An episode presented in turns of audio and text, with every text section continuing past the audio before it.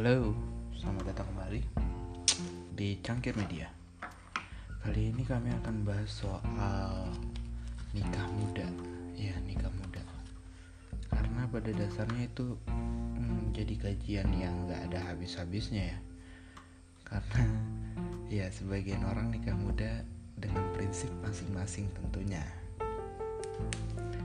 Nah, kontradiksi terjadi di sana sini ya sebenarnya. Sementara terdapat upaya memutus mata rantai perkawinan anak dan pernikahan ini akibat dampak negatif yang ditimbulkan sebagian lainnya justru menggagas gerakan menikah muda. Nah, sebenarnya secara secara apa ya? Secara kesehatan itu nikah muda itu nggak baik ya, apalagi masih usianya belas-belasan. Belas-belasan tahun. Oke, okay, sebelumnya gue mau bilang kalau nikah muda yang gue maksud adalah yang usia dari ya dari nol. Dari nol sampai usia 25 tahun. Nah berarti kalau di atas 25 itu berarti udah nggak nikah muda ya nggak sih? Nah kalau 25 ke bawah itu kalau menurut kami itu masih masih ditargetkan sebagai kata nikah muda. Sebenarnya saat ini Indonesia salah satu negara dengan angka perkawinan anak tertinggi.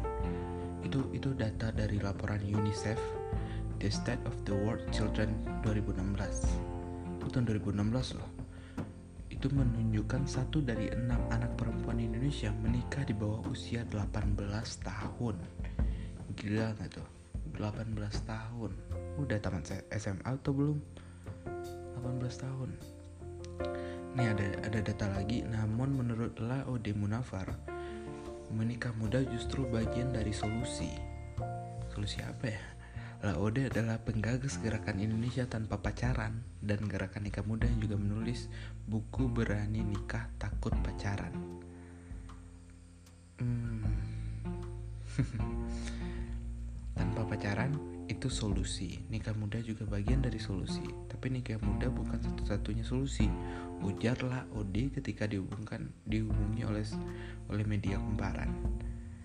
Ya sebenarnya gimana ya? Kalau menurut gue sih secara pribadi nikah muda itu cuman soal waktu. Enggak sih random banget.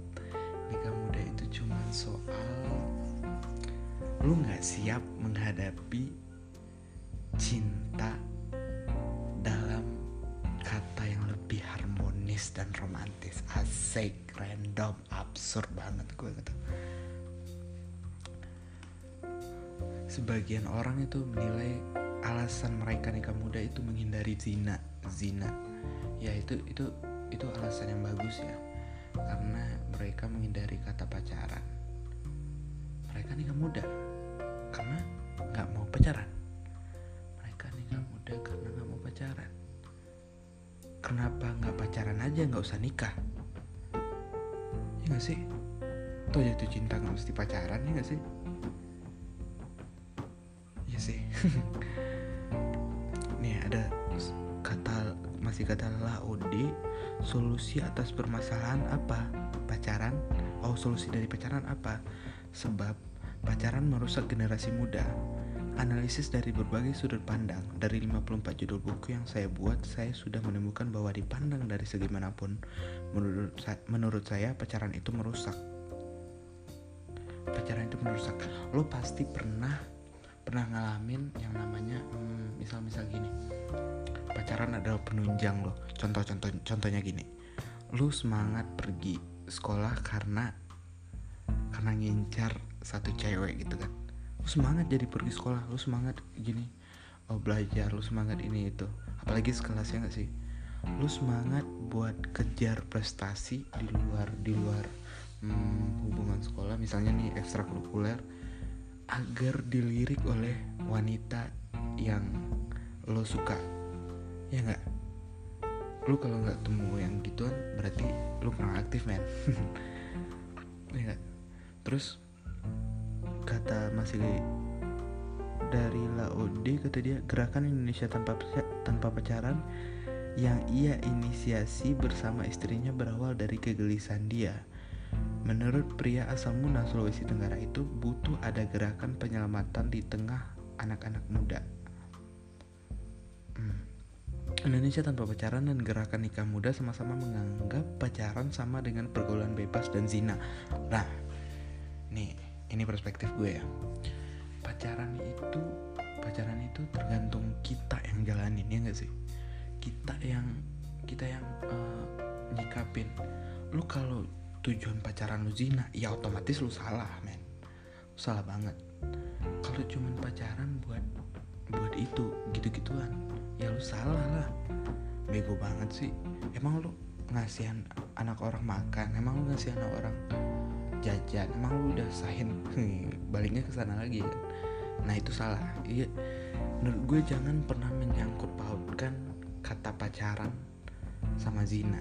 Karena ketika pacaran dan lu menyangkut pautkan dengan zina berarti itu pacaran membodoh yang ya rata-rata IQ 90 ke bawah ada yang pacaran gituan.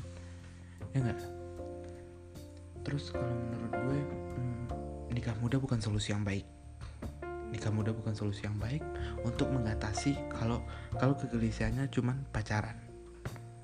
Emang hidup lu sebatas seks doang? Emang hidup lu sebatas sebatas zina doang? Oh terus lu terus lu nikah muda biar lebih bebas gitu? Hah? Hello? Udah nggak zamannya loh. Terus dua gerakan itu lantas menyebar menyebarkan semangat menjomblo sampai halal dan dorongan untuk menye, menyegerakan menikah. Mereka berkampanye secara online via media sosial di, di Facebook hingga offline lewat pertemuan komunitas. Kalau belum sanggup nikah berarti berpuasa tegas Laude. Ya benar juga. Kalau kita menilai oh, pergaulan pacaran melalui agama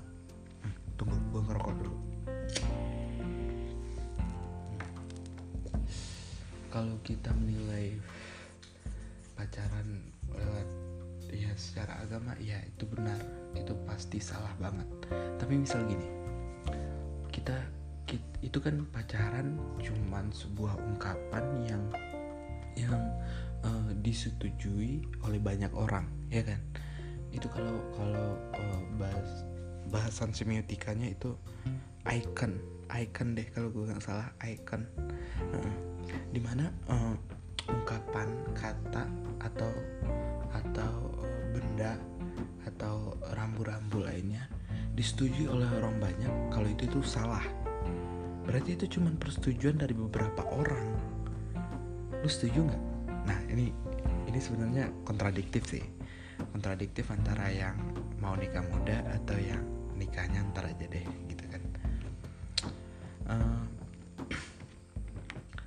nah di instagramnya gerakan nikah muda dia nulisnya kayak gini jangan takut nikah muda menikah adalah salah satu keputusan besar dalam kehidupan manusia nah di tag di di paragraf awal gue bakal uh, hmm, bakal patahin tuh argumen dari gerakan nikah muda.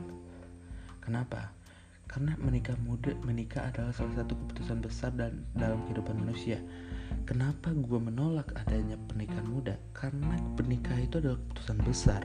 Lu nggak boleh nikah cuman sebatas lu menolak pacaran lu menolak kalau pacaran itu zina lu nggak boleh men menurut gue ini menurut gue tapi gue bakal suges orang-orang yang katanya nikah muda itu nggak baik banget oke alasannya kenapa kalau misalnya kita nggak bisa ngatasin pacaran dengan kata zina ya udah kita jangan melakukan zina dan pacaran.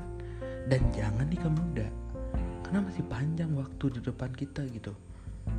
Terus ada lagi memutuskan untuk menikah memerlukan pertimbangan panjang dan keyakinan kuat. Nah gitu. Secara psikologis gini. Kita itu kita itu menemukan jati diri kita. Ini normal ya jati diri normal kita itu di usia 25 tahun. Secara psikologis ya kita menilai ya kita menemukan jati diri kita di usia 25 tahun. Nah kalau kita menikah di usia yang sebelum itu maka apa yang akan terjadi men? Lu bakal menemukan kejanggalan-kejanggalan dalam mengarungi bahtera rumah tangga asik. Ya enggak terus kata dia pernikahan bukan hanya menyatukan dua orang yang sedang mabuk cinta melainkan juga dua keluarga yang tidak saling mengenal sebelumnya.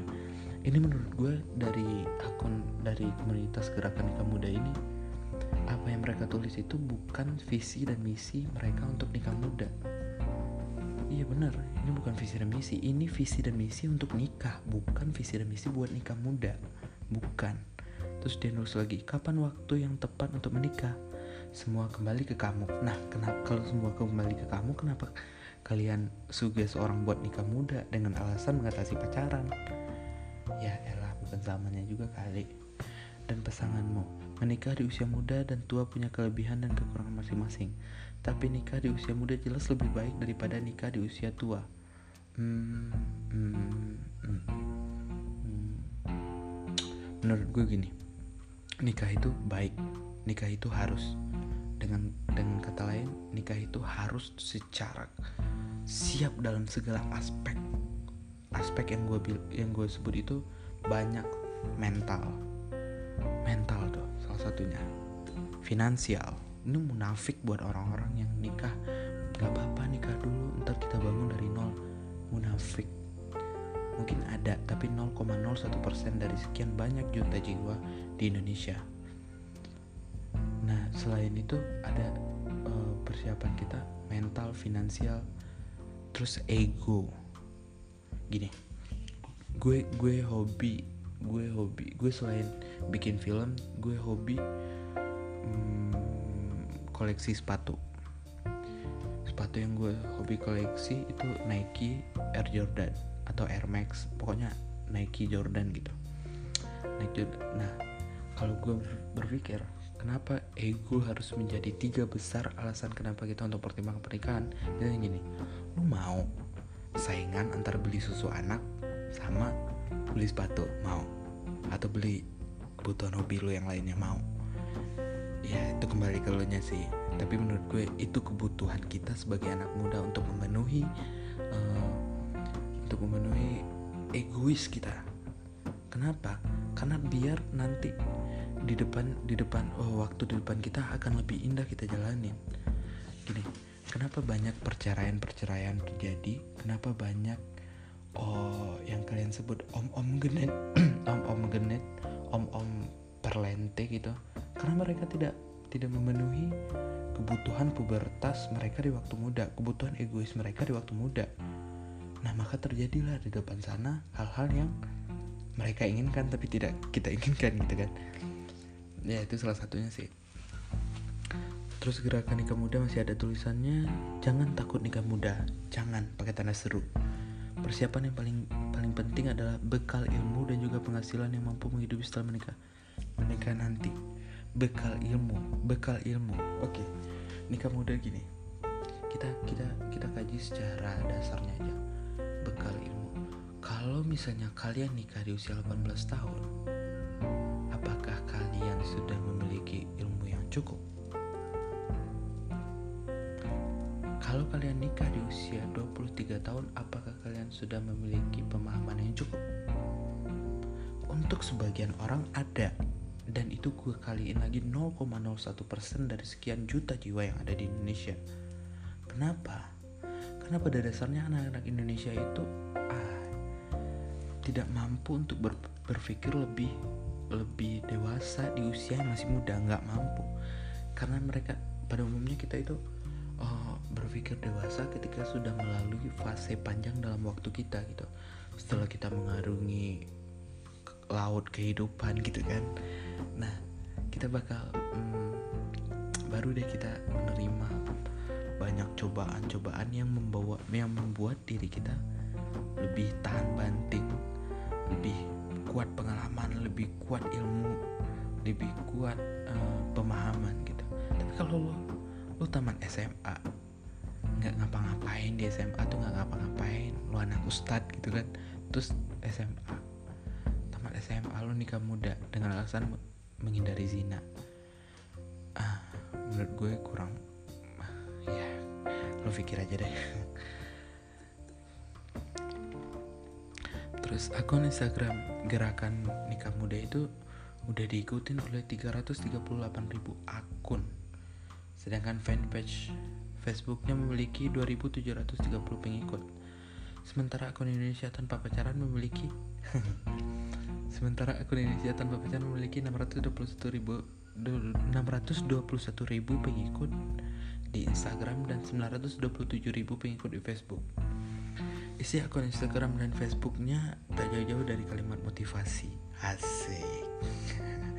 Artikel-artikel pendek serta kutipan ucapan para ustadz Felix Xiao, Abdul Somad dan Hadi Hidayat.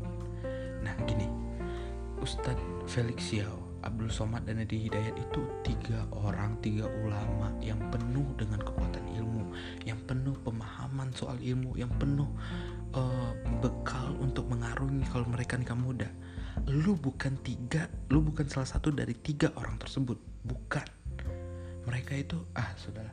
Misalnya Abdul Somad dia sekolah di mana men dia jauh sekolahnya buat menuntut ilmu tentang agama lagi.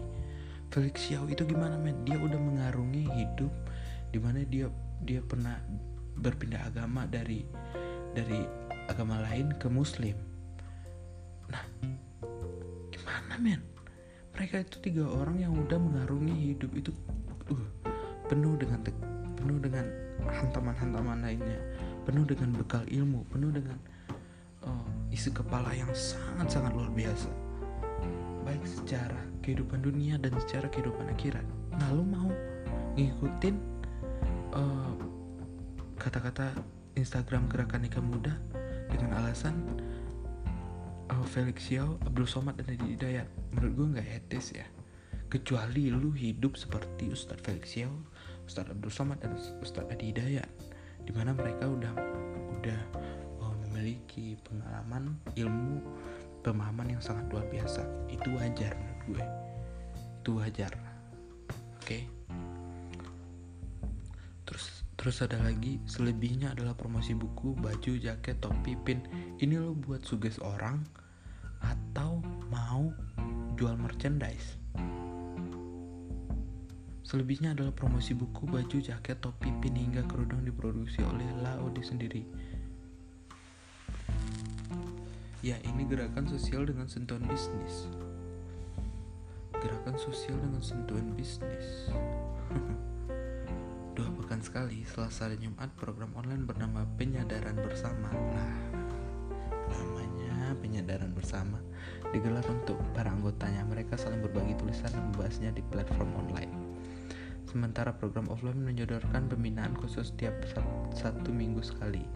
Laude menamakan program itu sebagai KKI alias Kelompok Kajian Indonesia Tanpa Pacaran.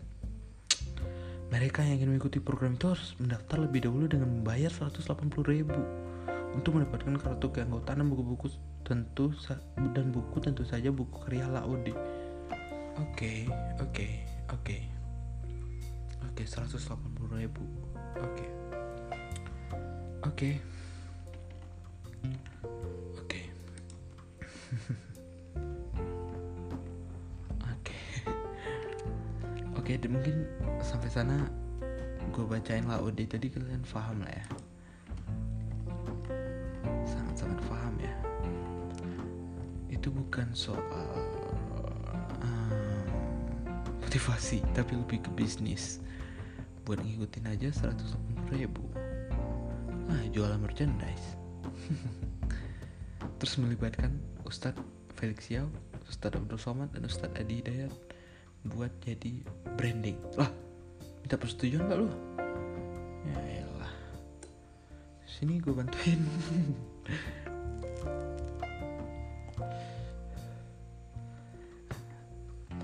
Paradoks nikah muda itu hmm, di Indonesia terutama di Indonesia ada ada beberapa penelitian menemukan bahwa pernikahan di usia muda berpotensi untuk meningkatkan risiko perceraian. Pasti itu pasti jika kita menilai dari aspek psikologis itu sangat pas itu pasti berbahaya dan bakal menimbulkan perceraian. Kenapa? Ya kembali lagi apa yang gue bilang sebelumnya. Karena tidak tidak siap gitu kan tidak sanggup kita tidak paham kita tidak punya ilmu. Kembali lagi ke sananya hmm, ada research Salah satu riset Nicholas Wolfinger, seorang profesor dari studi keluarga dan konsumsi dan sosial di Universitas Utah, Amerika Serikat. Ia menganalisis data National Survey of Family Growth NSFG dan mendapati pada periode 2006 hingga 2010 risiko tingkat perceraian untuk pernikahan pada usia 20-24 tahun 20 sampai 24 tahun mencapai 20 persen itu baru 20 sampai 24 tahun men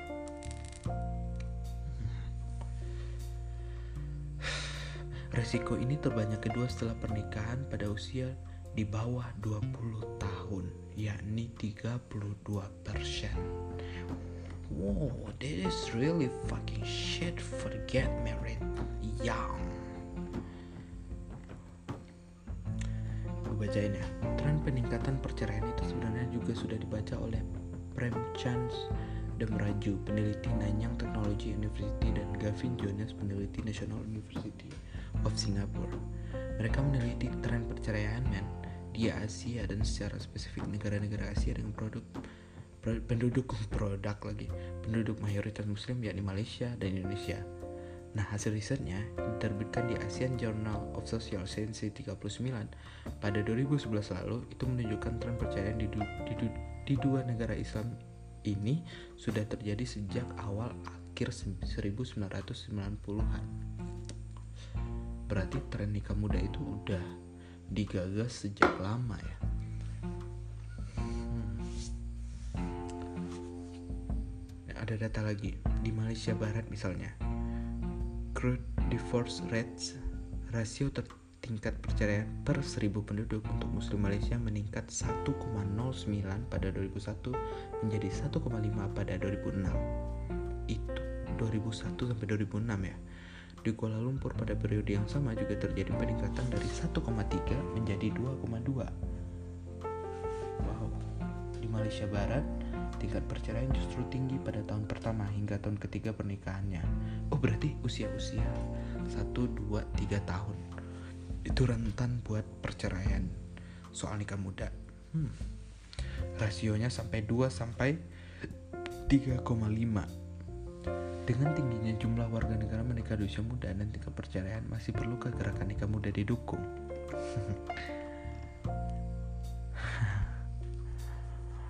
Menurut gue, kita harus menolak dengan kata nikah muda. Sekian dari kami. Cangkir Media. Berhentilah untuk nikah muda. Salam.